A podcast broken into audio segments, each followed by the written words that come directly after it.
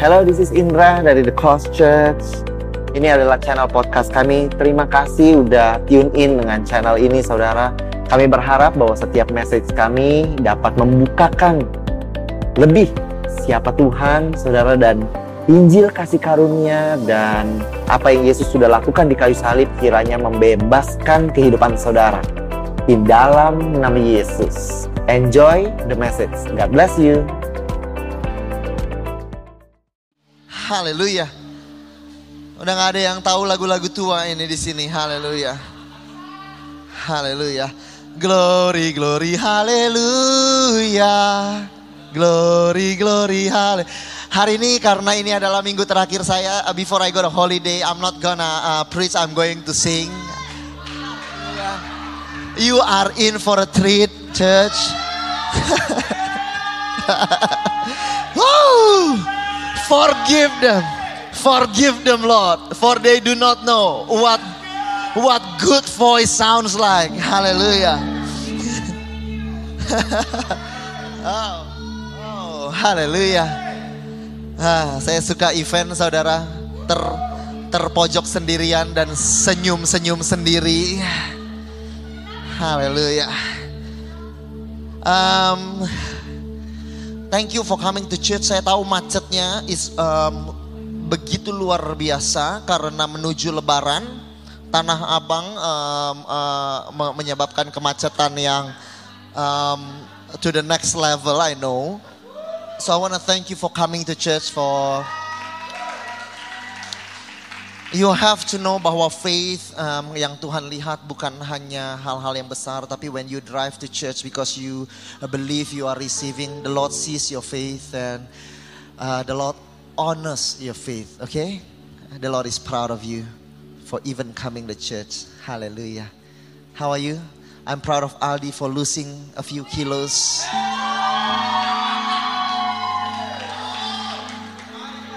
There is power in the name of Jesus. We are witness to that in your life.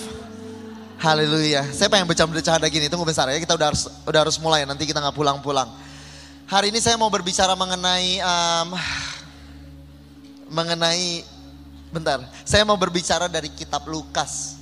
Saya dari, mau berbicara dari kitab Lukas. Kitab Lukas ditulis oleh seorang tabib yaitu tabib Lukas um, Tabib Lukas menuliskan dua kitab ya yaitu uh, Injil Lukas, The Gospel of Luke, saudara, dan juga um, The Acts of the Apostles, saudara, Acts of the Apostles, um, kisah para rasul. Kedua surat ini ditulis oleh Lukas untuk Theophilus, oke, okay, untuk Theophilus. Kedua surat ini. Uh, jadi ahli-ahli Alkitab uh, banyak menggabungkan ini menjadi satu menjadi uh, satu kesatuan. Bahkan sering kali mereka tuliskan Luke X seperti itu. Ketika mereka menuliskan dokumen-dokumen Luke X. Karena uh, it's like a sequel saudara. Seperti kelanjutan cerita daripada Lukas masuk ke dalam kisah para rasul saudara. Surat dari Lukas. Dan um, that is my introduction untuk berbicara dari Lukas 17 saudara yang saya ingin bahas hari ini. Um, sebuah cerita yang sering kali kita dengar mengenai gratefulness, thanksgiving, um, Eucharisteo, saudara memberikan rasa terima kasih kepada Tuhan. Karena ini cerita yang sangat terkenal, saudara yang mungkin setiap saudara sudah tahu dan sudah pernah dengar, saudara dari Lukas yang ke-17. Uh, for next 15 minute maybe, I'm going to set up the story. Saya akan bawa saudara untuk ke dalam um, uh, cukup banyak ayat yang kita bacakan. Uh, please do follow me karena um, uh, there will be conclusions that I want to make um, in the later part uh, di bagian-bagian um, uh, setelah uh, pembukaan saya. So please do follow me, walaupun um, it's a bit lengthy, saudara, uh, uh, pembukaannya. Tapi saya mau bacakan dari Lukas 17 ayat yang ke-11 sampai yang ke-19. Di dalam perjalanan Yesus, Yesus berjalan ke Yerusalem.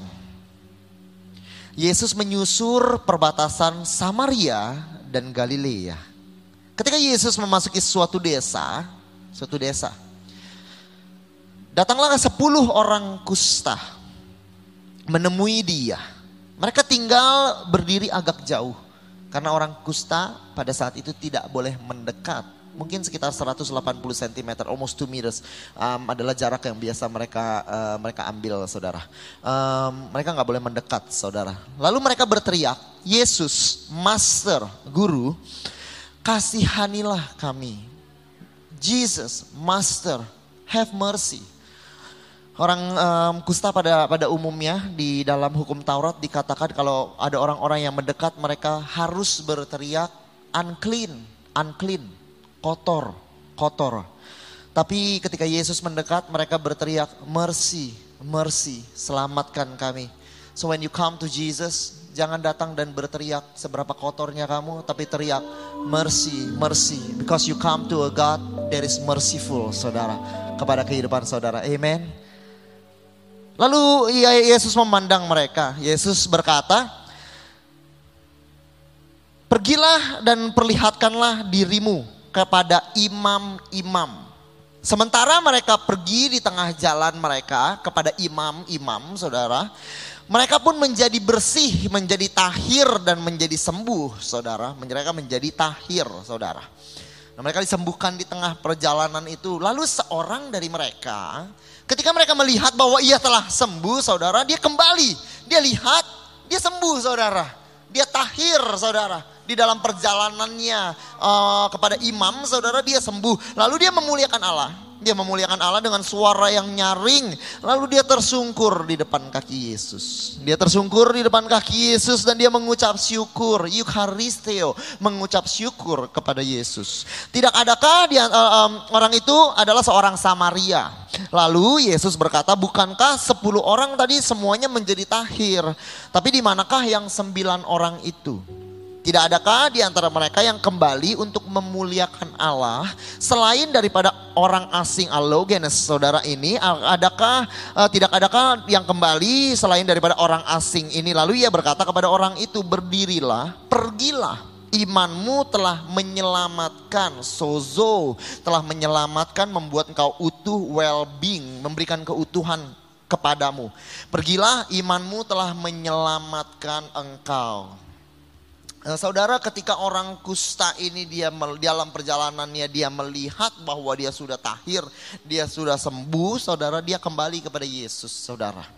Hal-hal yang Tuhan berikan di dalam kehidupan saudara bisa menjadi sebuah pintu untuk membawa saudara dekat kembali kepada Tuhan rasa terima kasih di dalam hati kita, kesadaran akan hal-hal yang Tuhan berikan dapat menjadi pintu untuk kita kembali mendekat kepada Tuhan, saudara. Seringkali kita melihat banyak yang kita belum ada, tapi saudara rahasia kita kembali sering kali kepada uh, kepada kebaikan Tuhan adalah ketika kita sadari bahwa terlalu banyak yang Tuhan sudah kasih. Bahwa istri kita, suami kita, pasangan kita, semua yang saudara miliki, if you just stop for a while, berhenti sejenak dan saudara kita belajar membuka mata kita dan kita menyadari terlalu banyak yang Tuhan beri buat kita. Itu bisa membawa kita menjadi pintu untuk kita masuk. Oleh karena itu di dalam perjanjian lama berkata enter his gate with thanksgiving. Oleh karena itu ketika kita penuh dengan rasa syukur, mengerti, menyadari yang Tuhan kasih, kita masuk ke dalam baitnya saudara. Karena adalah pintu your heart yang menyadari kebaikan Tuhan bisa menjadi pintu untuk mendekat kembali kepada Tuhan. Waktu orang tersebut datang kepada Tuhan, dia memberkati orang ini, dia berkata bahwa imanmu telah menyelamatkan, memberi keutuhan, sozo, give you well-being, memberikan keutuhan kepadamu, keselamatan kepadamu. Yang lain, sembilan yang lain sembuh, kesembuhannya tidak diambil. Sembilan yang lain yang tidak berterima kasih kesembuhannya tidak dibatalkan. Tapi waktu orang yang ini dengan pintu rasa terima kasih dia masuk mendekat kepada Tuhan. Apa yang Tuhan lakukan? Tuhan berikan lebih. Dan Tuhan bilang imanmu memberikan sozo, memberikan keselamatan, memberikan well-being kepadamu saudara. When you when you with your thanksgiving you come to God, nggak ada hal lain yang Tuhan inginkan daripada memberi lebih lagi di dalam kehidupan saudara. That is your father. Boleh kita beri kemuliaan kepada Tuhan saudara. So that is your Jesus saudara. Tapi saudara perhatikan di sini tidak adakah di antara mereka back tidak adakah di antara mereka yang kembali untuk memuliakan Allah selain daripada alogenes saudara orang asing ini. Enggak adakah yang kembali saudara um, Kata alogenes ini saudara adalah sebuah Greek word, sebuah bahasa Yunani Orang stranger artinya, foreigner artinya, orang asing artinya tidak pernah dipakai di mana pun di seluruh kitab suci. Tidak pernah dipakai, bahkan oleh Yesus sendiri dia tidak pernah pakai kata ini, hanya satu kali dia pakai kata ini orang asing yang memberi terima kasih kepada dia. Dia bilang, tidak adakah yang lain selain daripada orang asing ini ada di bawah kaki Yesus. Alogenes saudara. Dari situ saudara ada sebuah pertanyaan kenapa Yesus dengan khusus memakai perkataan ini saudara. Alogenes saudara. Ternyata saudara di bait suci pada saat itu, kalau saudara uh, uh, uh, uh, di bait suci pada saat itu terdapat sebuah encryption. Sebuah dokumen yang tertera di bait suci bahwa mereka saudara um, tidak boleh masuk saudara no stranger, alogenes saudara, foreigner, tidak boleh masuk ke dalam tempat maha suci, uh, tempat uh, tempat bait suci saudara dan sekitarnya. Barang siapa yang tertangkap bertanggung jawab untuk kematiannya sendiri, saudara. Jadi untuk orang asing, alogenes, saudara yang masuk ke dalam bait suci dan sekitarnya, maka mereka akan dihukum mati, saudara. Nah, kata itu hanya ada di bait suci, tidak ada di Alkitab. Tapi Yesus dengan sengaja memakai perkataan ini karena Yesus ingin memberitahu kepada orang-orang yang ditolak di bait suci bahwa mereka diterima di bawah kaki Yesus. Ada tempat untuk orang-orang yang ditolak dan dijauhkan, yang tidak punya tempat di bait suci. Ada tempat di bawah kaki Yesus, ada tempat di hati Yesus. Boleh kita beri kemuliaan kepada Tuhan. Cerita Thanksgiving ini di uh, uh, uh, cerita ini yang begitu terkenal mengenai gratitude, mengenai rasa terima kasih Tentu saudara cerita ini mengenai rasa terima kasih, tapi ada pesan yang lebih mendalam dari cerita ini, yaitu mengenai orang Samaria. Mengenai orang Samaria. Lukas adalah seorang tabib yang menuliskan Luke X, yang menuliskan kitab Lukas dan kisah para rasul. Um, dia adalah satu-satunya tidak ada orang yang berfokus kepada orang Samaria lebih daripada tabib Lukas di dalam pencatatannya akan kitab suci, akan Injil saudara. Hanya ada satu ayat di Matius berbicara mengenai Samaria. Hanya ada satu kali berbicara mengenai Samaria. Di Markus tidak ada uh, bicara mengenai Samaria atau orang Samaria. Yohanes berbicara satu kali mengenai orang Samaria. Tapi Lukas menulis mengenai Samaria berulang, berulang dan berulang kali. Dimulai dari Lukas 9 dia tuliskan mengenai orang Samaria. Lukas 10 dia tuliskan mengenai Samaria. Lukas 17 dia ceritakan mengenai orang Samaria. Bahkan di kisah para rasul tulisan Lukas untuk Theophilus pun masih menuliskan tentang Samaria saudara. Orang Israel saudara udah tahu mereka tidak suka dengan orang Samaria. Kenapa mereka nggak suka orang Samaria? Karena mereka mencampurkan agama Yahudi dengan Allah-Allah asing. Mereka setengah agama Yahudi tapi banyak mereka adopsi agama-agama asing juga saudara. Kenapa mereka nggak suka? Karena orang Yahudi di Samaria saudara keturunannya tidak murni mereka menikah dengan orang asing saudara. Mereka nggak suka karena mereka membuat bait suci sendiri di Gerizim saudara. Di Gunung Gerizim mereka buat bait suci sendiri. Jadi yang di Yerusalem mereka nggak pergi mereka buat uh, bait suci sendiri. Mereka nggak suka karena orang Samaria itu totally setengah-setengah dan orang Samaria untuk orang Yahudi adalah orang yang kotor buat mereka. Tapi saudara orang yang kusta itu bukan hanya kotor karena kusta tapi dia kotor karena dia orang Samaria. Dua kali kotor tapi dia diterima di bawah kaki Yesus saudara. No matter how dirty you are, you are accepted at the feet of Jesus saudara tapi di dalam kekotoran orang-orang Samaria, dalam kebencian orang Yahudi kepada Samaria. Tabib Lukas menuliskan mengenai Samaria. Dimulai dari Lukas 9, pertama kali Lukas menuliskan mengenai Samaria. Ketika hampir genap waktunya Yesus diangkat ke sorga. Yesus mengarahkan pandangannya untuk pergi ke Yerusalem. Yesus mengirim beberapa utusan mendahului dia. Mereka pergi, lalu mereka masuk ke suatu desa orang Samaria untuk mempersiapkan segala sesuatu baginya. Karena Yesus ingin menginap di salah satu desa di Samaria.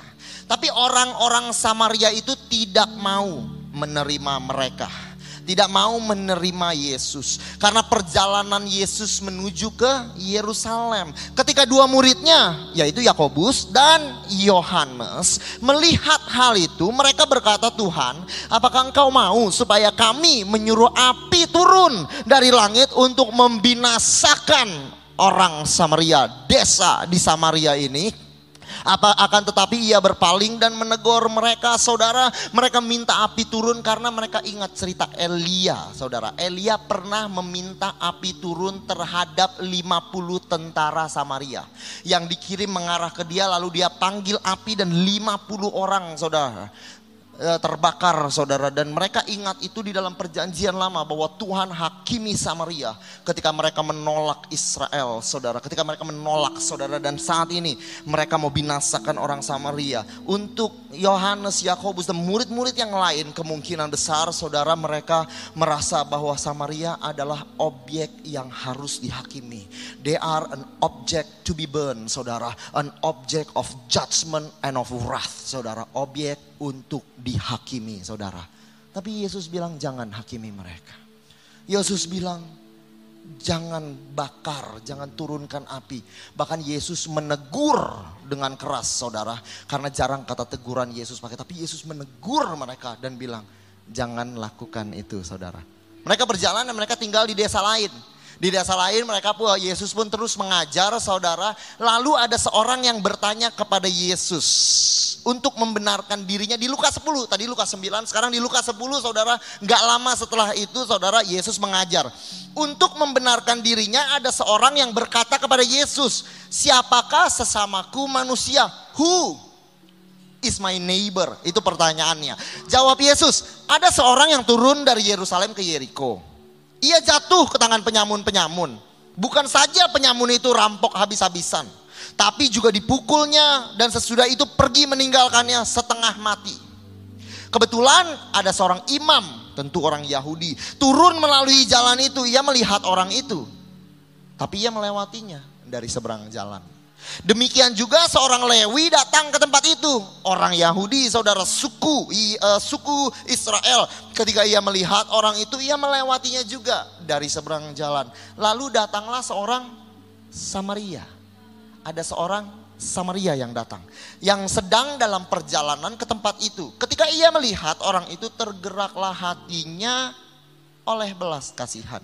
Ini adalah sebuah perumpamaan, bukan kejadian asli. Tapi waktu Yesus bilang, menceritakan perumpamaan tentang siapakah orang yang menjadi tetangga buat orang lain. Dia bilang datang seorang Samaria. Lalu tergeraklah orang ini dengan belas kasihan. Dia ceritakan the good Samaritan. Murid-muridnya barusan ditolak. Dia lihat Yesus baru ditolak. Dan baru mereka mau bakar sebuah desa di Samaria tapi waktu Yesus mengajar, dia ceritakan, hey, bahwa ada orang Samaria yang baik hati. Gak ada di hati Yesus kebencian akan Samaria. Gak ada di hatinya penolakan akan Samaria. Walaupun dia ditolak, tidak ada di hatinya something against Samaria. Murid-muridnya waktu dengar cerita itu pasti mereka kaget. Kenapa Yesus bilang ada orang Samaria? Orang Samaria juga bisa baik hati kata Yesus. Lalu saudara masuklah ke cerita di Lukas 7 itu adalah encounter ketiga kita akan Samaria di kitab Lukas saudara. Orang itu yang tadi kusta adalah seorang Samaria saudara. Lalu Yesus berkata bukankah ke sepuluh orang tadi semuanya sudah menjadi tahir. Di mana yang sembilan orang lagi? Tidak adakah di antara mereka yang kembali untuk memuliakan Allah selain daripada orang asing ini, orang Samaria ini. Lalu ia berkata kepada orang itu, berdiri dan pergilah.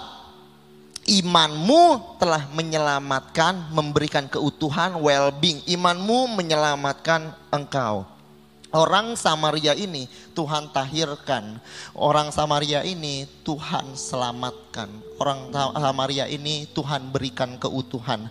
Bukan hanya banyak desa Samaria, tapi bahkan satu daripada orang Samaria itu bukan objek amarah buat Tuhan tapi objek kasih buat Tuhan. Nggak perlu satu desa, jangankan satu desa jangan dibakar. Satu orang Samaria yang tertolak pun, yang karena kustanya dikucilkan pun, Tuhan datang untuk selamatkan mereka. Karena mereka adalah objek kasih untuk Yesus. Boleh kita beri kemuliaan kepada Tuhan di situ. Tapi seperti saya bilang Lukas dan kisah para rasul Luke X adalah sebuah cerita saudara yang berlanjut. Tuhan Yesus disalibkan naik ke langit saudara. Lalu roh kudus pun turun. Injil diberitakan di Yerusalem. Injil diberitakan di Yudea. Lalu sampailah Injil ke Samaria. Di kisah para rasul 8 Lukas menuliskan bahwa mereka yang tersebar menjelajah seluruh negeri sambil memberitakan Injil. Filipus pergi ke suatu kota di Samaria. Lalu dia memberitakan Mesias kepada orang-orang di situ. Ketika orang banyak itu mendengar pemberitaan Filipus, melihat tanda-tanda yang diadakannya, mereka semua dengan bulat hati, semua dengan bulat hati menerima yang diberitakan itu. Maka sangat besarlah sukacita di dalam kota Samaria. Di dalam kota itu terdapat sukacita yang besar. Itu kisah para rasul, saudara. Saudara perhatikan di Lukas 9, saudara ada sebuah desa Samaria menolak Yesus. Lalu saudara singkat setelah itu Yesus ceritakan the good Samaritan saudara. Ada orang Samaria yang baik hati yang mau tolong orang lain. Murid-muridnya tentu kaget waktu dia ceritakan itu. Tapi saudara waktu Yesus saudara um, um, mau keluar perbatasan dari Samaria dia ketemu orang kusta saudara. Yesus malah sembuhkan dia. Yesus malah bilang ini orang diterima oleh dia. Orang Samaria ini saya terima. Nggak diterima di bait suci diterima oleh saya. Lalu Lalu saudara ada keselamatan besar di Samaritan City saudara. Yesus memberikan waktu untuk Samaria. Dulu yang mereka mau tolak dia. Yesus bilang jangan hancurkan, jangan turunkan api, jangan bakar mereka, jangan hancurkan mereka. Karena mereka adalah objek kasihku. Berikan mereka waktu satu demi satu demi satu. Mereka akan akan terima eh, kesukaan yang besar. Nanti mereka akan terima kesukaan yang besar. Karena Tuhan Tuhan menginginkan mereka walaupun mereka tolak dia, dia tidak tolak mereka. Tuhan menuliskan tentang Samaria ini detail daripada firman Tuhan. Kebanyakan dan hampir seluruhnya melalui Lukas karena Tuhan sedang membuat cerita. Apa yang Tuhan ingin ceritakan bahwa untuk orang Samaria pun Tuhan tunggu mereka. Untuk mereka yang tolak Yesus, Tuhan tunggu mereka. Untuk mereka yang belum bisa, Tuhan tunggu mereka. Untuk mereka yang layaknya dihancurkan, Tuhan tunggu mereka. Untuk mereka yang layaknya terima api, Yesus bilang, "Tunggu, biarkan mereka terima sukacita. Jangan hancurkan mereka. There is time. Give them time. God is truly a patient God. Dia sabar dan kebaikannya yang membawa kita kepada pertobatan saudara. It is His kindness and patience saudara yang membawa kita kembali kepada pertobatan. God is patience to you saudara. Tapi sering kali kalau saya bisa jujur sering kali yang merasa tidak sabar dengan diri kita, yang merasa berbeban berat dengan diri kita, yang merasa tidak layak akan diri kita, bukan orang-orang yang baru tapi orang yang sudah lama terima Yesus, orang yang sudah pelayan Tuhan, orang yang sudah memimpin mungkin di dalam pelayanan saudara. Mungkin udah you are a mom, maybe you are a dad saudara, maybe you are a spiritual mom, you are a spiritual dad, maybe you are like me I'm a pastor. Mungkin um, you you dan kenapa kita banyak menyalahkan diri kita karena kita merasa bahwa kita yang harusnya sudah dewasa. Saya harusnya yang paling dewasa, saya harusnya dewasa di keluarga ini. Saya harusnya di di rumah Tuhan ini saya yang harusnya paling pengertian.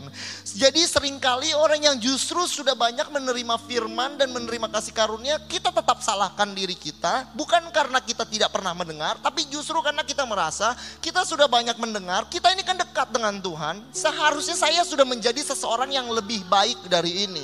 Oleh karena itu, kita terus-menerus sering kali di pikiran kita kita berkata bahwa saya masih kurang. Saya belum bisa jadi seperti. Saya masih belum dapat melakukan? Kenapa saya masih seperti ini? Why am I? Kenapa saya lakukan ini kepada keluarga? Kenapa saya masih seperti ini? Kenapa saya kemarin rasakan bahkan bukan perlakuan tapi perasaan kita pun kita rasa salah. Kenapa saya merasakan perasaan ini terhadap keluarga? Kenapa saya merasakan perasaan ini terhadap teman? Kenapa saya rasakan perasaan ini terhadap suami saya, terhadap istri saya? Kenapa saya merasakan perasaan ini? Dan kita merasa bahwa ada kesalahan yang mendalam, saudara. Kenapa? Karena justru kita dekat dengan Yesus. Harusnya kita sudah, tapi kita belum. Dan di situ ada beban yang berat. Tapi saudara perhatikan di kisah para rasul 8. Ketika rasul-rasul di Yerusalem mendengar, tadi mereka ada sukacita besar di kota Samaria. Tapi ketika rasul-rasul di Yerusalem mendengar bahwa tanah Samaria telah menerima firman Tuhan, mereka mengutus Petrus dan Yohanes mereka kirim. Mereka kirim Petrus dan Yohanes ke situ. Setibanya di situ, kedua rasul berdoa supaya apa? Supaya orang-orang Samaria itu beroleh Roh Kudus. Kemudian keduanya menumpangkan tangan di atas mereka, lalu Roh Kudus turun, lalu mereka menerima Roh Kudus. Siapa yang dikirim ke situ? Yohanes yang dikirim ke Samaria. Saudara perhatikan di Lukas 9 ketika dua muridnya dengar penolakan terhadap Yesus, dengar penolakan terhadap mereka. Ada dua murid yang berkata, yaitu Yakobus dan Yohanes. Melihat hal itu, mereka berkata, "Tuhan, apakah Engkau mau supaya kami menyuruh api turun dari langit untuk binasakan mereka karena mereka sakit hati, karena mereka merasa tertolak." Mereka bilang, "Kami mau." Mereka in anger di dalam amarah mereka, mereka mau turunkan api kepada Samaria, Saudara. Tapi Saudara, siapa yang Tuhan kirim untuk turunkan Roh Kudus? Yohanes yang dikirim. Saudara perhatikan, saudara next. Yakobus dan Yohanes bilang, apakah kamu mau kami bakar? Lalu di sini Yohanes juga yang pergi. Bukan api yang turun, tapi Roh Kudus yang turun, saudara, kepada orang-orang di Samaria. Dulu Yohanes mau bakar mereka. Dulu Yohanes mau turunkan api. Sekarang Yohanes turunkan roh kudus. Betapa lucu saudara. Kenapa saudara? Karena Tuhan bukan cuma sabar terhadap orang Samaria. Tuhan sabar terhadap Rasul Yohanes. Bukan hanya kepada Samaria dia kasih waktu. Tapi kepada Yohanes dia kasih waktu enggak diambil panggilannya. Samaria enggak diturunkan api. Tapi untuk Yohanes dia enggak ambil panggilannya. Tuhan tunggu Samaria. Tapi Tuhan juga tunggu Yohanes menjadi pribadi yang diinginkan. The one Jesus love, the one that leans in, yang bersandar pada Yesus. Harusnya dia udah mengerti, harusnya dia bisa, harusnya dia kenal hati Tuhan. Kenapa dia yang mau bakar, tapi nggak diambil panggilannya. Tuhan tunggu Samaria, tapi Tuhan juga tunggu Yohanes sampai dia bisa jadi pribadi yang Tuhan inginkan. Untuk saya, I want to be the best husband. I want to be the most understanding and loving husband yang I can be. Karena saya mengerti firman Tuhan. Banyak yang saya sudah dapat dari firman Tuhan. I want to be the best pastor. Saya ingin jadi pastor yang luar biasa. I want to be the most patient, the most loving pastor. I want to be the best spiritual father. I want to be the best spiritual father that I can be, saudara. Itu saya, saudara. Ah, saya merasakan hal itu. Ah, saya mau menjadi someone that never about me, saudara. Yang it is never about me, saudara. Always giving, dying to self, saudara.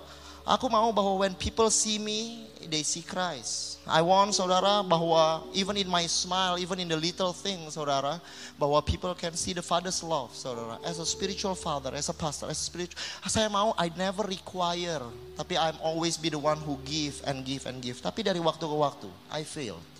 Dari waktu ke waktu, I am not that person. Dari waktu ke waktu, I am not enough, saudara. Dari waktu ke waktu, there is not who I am, saudara. And maybe for you, you are a mom You wanna be a kind of mom, saudara, yang ada di dalam pikiran saudara. Tapi now, saudara rasa saudara harusnya menjadi seperti ini. Tapi that's not who you are. Saudara mau menjadi husband seperti ini, but that is not who you are. Engkau mau jadi adik, kakak, family seperti ini tapi you are not saudara. You want to be the kind of leader you want to be the kind of pastor you want to be a kind of spiritual mom whatever you want to be a kind of pelayan you want to be a kind of person yang harusnya seperti ini but you are not saudara. Hari ini I want to tell you bahwa Tuhan bukan hanya beri waktu pada Samaria. Tuhan beri waktu pada Yohanes. Orang yang terdekat pada dia Yesus juga sabar. Orang yang sudah dengar segalanya Yesus juga sabar sampai Yohanes bisa jadi pribadi yang dia inginkan. Yesus juga tunggu kamu. Jadi saya mau bilang kepada saudara, yang saudara udah dewasa hari ini my message. Saudara yang udah ngerti banyak, tapi yang saudara hari ini salahkan diri saudara karena harusnya saudara yang paling dewasa. Harusnya saudara yang sudah percaya, harusnya saudara udah ngerti, tapi saudara masih gagal. Ada kasih karunia untuk saudara juga. Jangan terima kasih karunia hanya untuk orang lain. Terima kasih karunia juga untuk saudara. Karena saudara tidak bisa berikan sesuatu yang belum saudara terima. Apa yang saudara, kalau saudara tidak terima kasih karunia, saudara tidak bisa beri kasih karunia.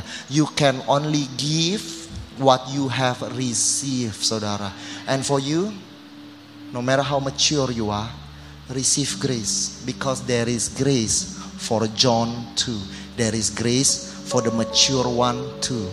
There is grace for you too, saudara. In the name of Jesus. Boleh kita beri kemuliaan kepada Yesus.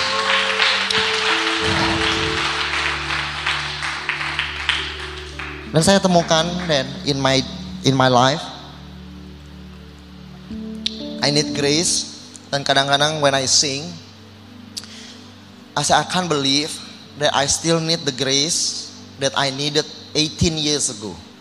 I can't believe that I'm still the same person I think in my heart that I used to be 20 years ago. Then I can't believe myself. Tapi I feel God is saying today bahwa hey, I have grace for you too. No matter how close you are to me, I am patient for you too.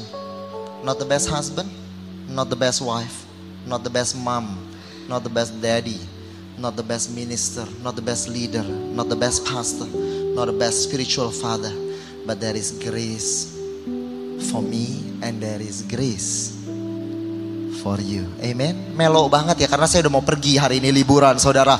God bless you in the name of Jesus. Hallelujah. Can we shout Jesus tonight? Haleluya. Lalu Rasul Yohanes menuliskan sebuah cerita. I think the most beautiful story tentang Samaria itu ditulis oleh Rasul Yohanes. Mungkin untuk banyak orang yang mungkin tidak mendalami Alkitab, saudara, mungkin ini satu-satunya cerita yang kita tahu, yaitu cerita tentang perempuan di Samaria yang berdu yang duduk di samping sumur, bukan duduk, sedang menimba sumur, saudara. Lalu Yesus datang. Dan Yesus panjang lebar itu adalah catatan pembicaraan dengan orang Samaria yang terpanjang yang pernah dicatat saudara. Dicatat oleh siapa? Rasul Yohanes saudara. Karena Yohanes waktu dia tuliskan kitab Yohanes, dia sudah ngerti Yesus dan Samaria. Yes, dia udah lihat, dia dulu mau turunkan api. Tapi dia dengar Yesus bilang mengenai the good Samaritan bahwa nggak ada hatinya benci sama Samaria. Lalu dia lihat Yesus sembuhkan orang kusta Samaria. Yesus juga selamatkan. Lalu dia lihat waktu dia melayani Roh Kudus turun juga di Samaria. Lalu kira-kira umur 80 tahun dia menulis kitab yang kita kenal sebagai Injil Yohanes. Umur 80 tahun Yohanes adalah pribadi yang berbeda. Yohanes adalah pribadi yang mengerti hati Yesus untuk Samaria. Dia tulis di Yohanes 4, Yesus pun meninggalkan Yudea. Cerita mengenai perempuan Samaria dimulai begitu. Yesus pun tinggalkan Yudea, kembali ke Galilea. Yesus harus melintasi daerah Samaria. He needs to go to Samaria. Yesus sudah tahu hati Yesus. Yesus sudah tahu hati Yesus pasti. Saya yakin Yesus tahu hati Yesus. Tapi Yohanes Amen. Amen.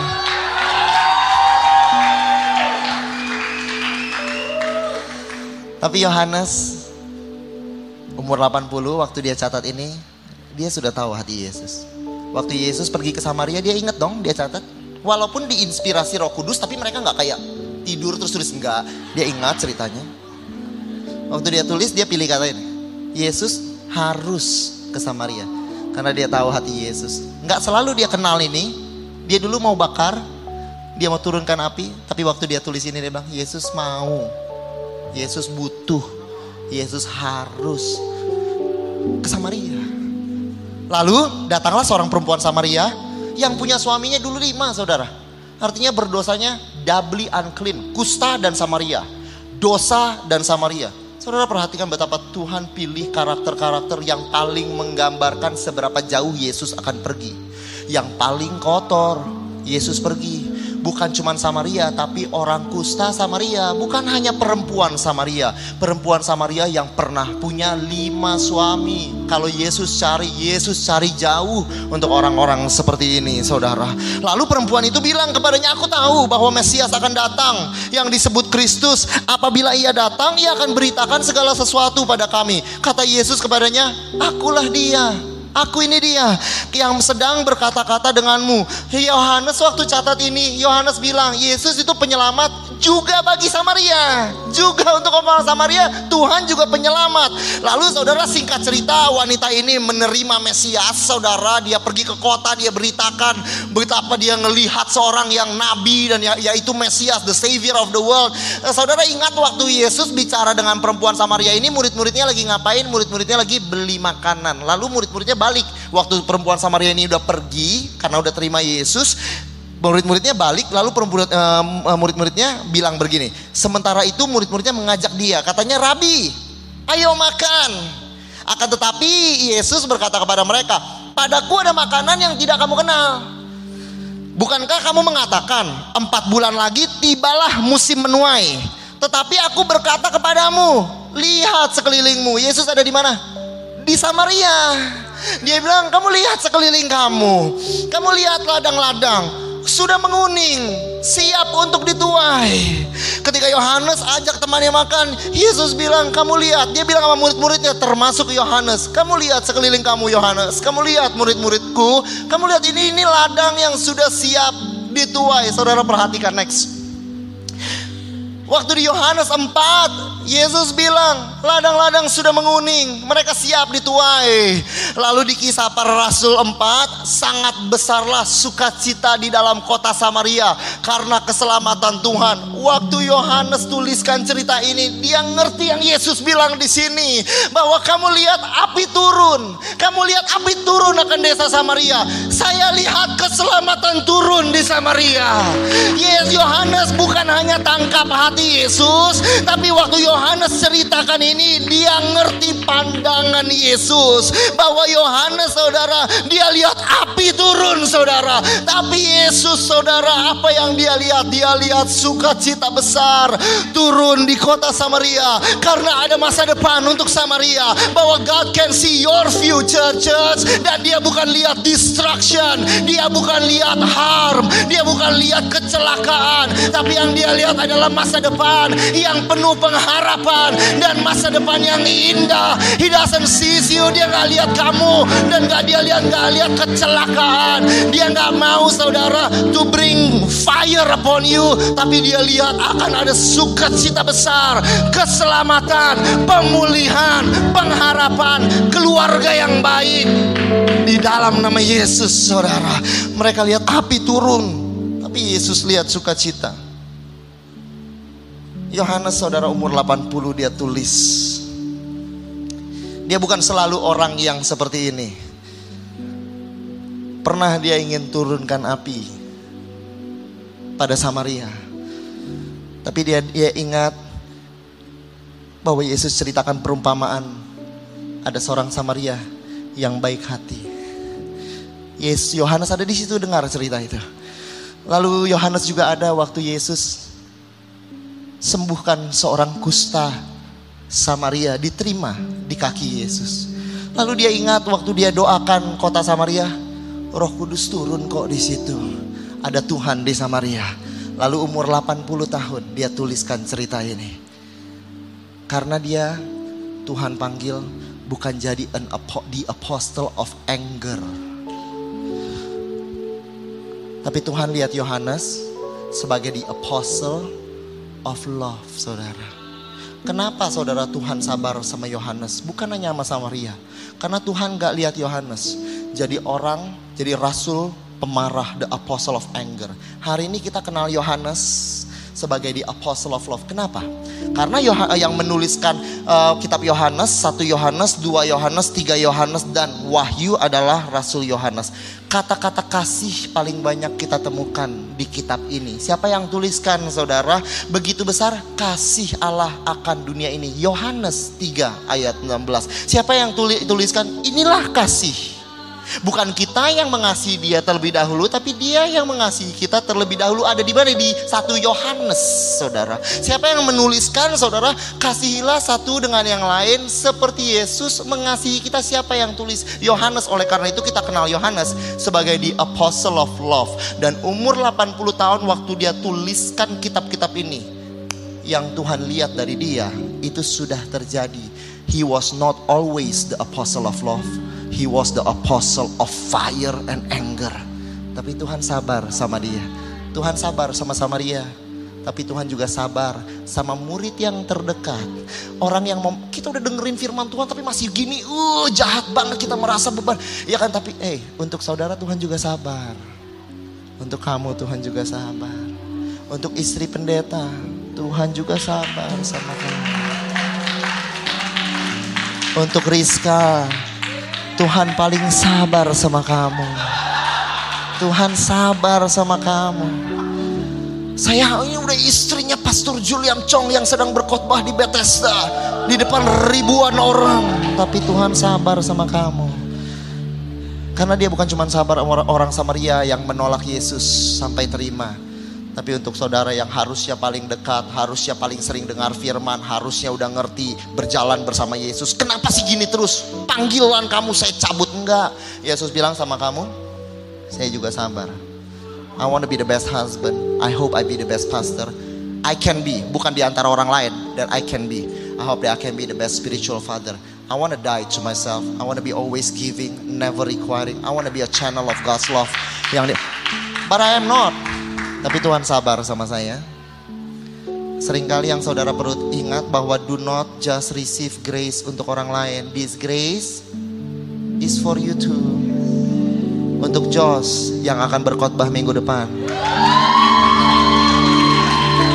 This grace is for you too. Bukan berarti kalau kalau udah khotbah, oke, okay, now I have to move on. Saya nggak bisa terus terima kasih karena saya harus jadi orang yang no no no no. This grace, there is grace for you to. Saya mau bacakan ayat terakhir sembari worship team maju ke depan. Saya mau bacakan ayat terakhir saya. Nih, saudara perhatikan.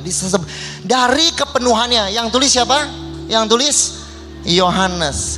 Saudara, karena dari kepenuhan Yesus, dari kepenuhannya kita semua telah terima. Apa yang kita terima? Kasih karunia demi kasih karunia. Artinya apa? Hari ini kamu dapat kasih karunia, besok apa yang kamu terima? Kasih karunia. Hari ini kamu gagal, apa yang kamu terima? Yang kamu terima? Kasih karunia besok kamu gagal lagi apa yang kamu terima? Masih kasih karunia 10 tahun lagi you are a mature Christian.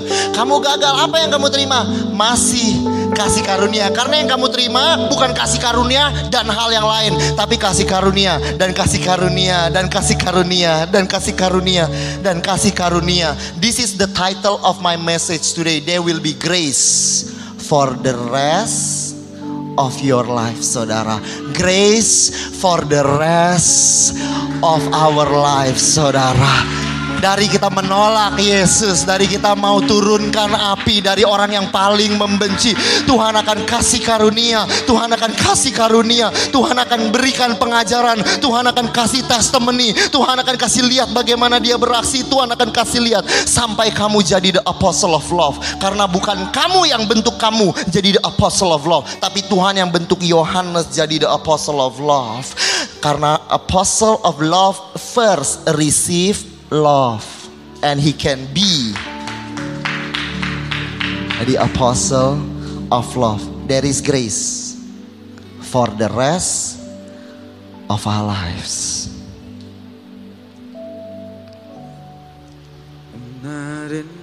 I'm not in gitu ya. Ulang lagi teman-teman, ulang, ulang. Tadi udah janjian, nggak apa-apa, nggak apa-apa, Tapi ada grace untuk dia. Kasih karunia untuk dia. Oke. Haleluya. Eh, di gereja ini kita bisa ulang, oke? Ulang, oke? Bentar, bentar, bentar. Kita balik, oke? Karena bukan Tuhan yang jadikan, bukan kita yang jadikan diri kita the apostle of love. Tapi Tuhan yang jadikan Yohanes the apostle of love. Karena dia terutama nerima kasih dari Tuhan sehingga he become the apostle of love. There is grace for the rest of our lives.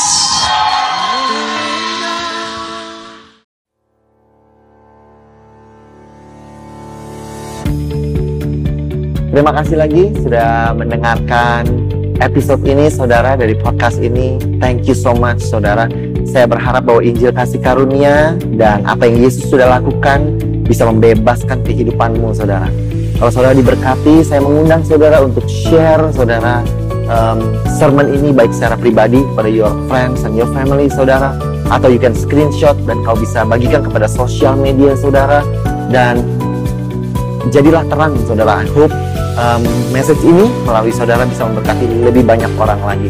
Dan kalau saudara diberkati, saya mengundang saudara untuk subscribe kepada channel podcast ini. Again, I want to thank you. Berterima kasih kalau saudara mendengarkan dan mengizinkan dirimu diberkati dari apa yang kami lakukan. Terima kasih, Tuhan berkati. God bless you and bless you and bless you again. In Jesus' name. Amen.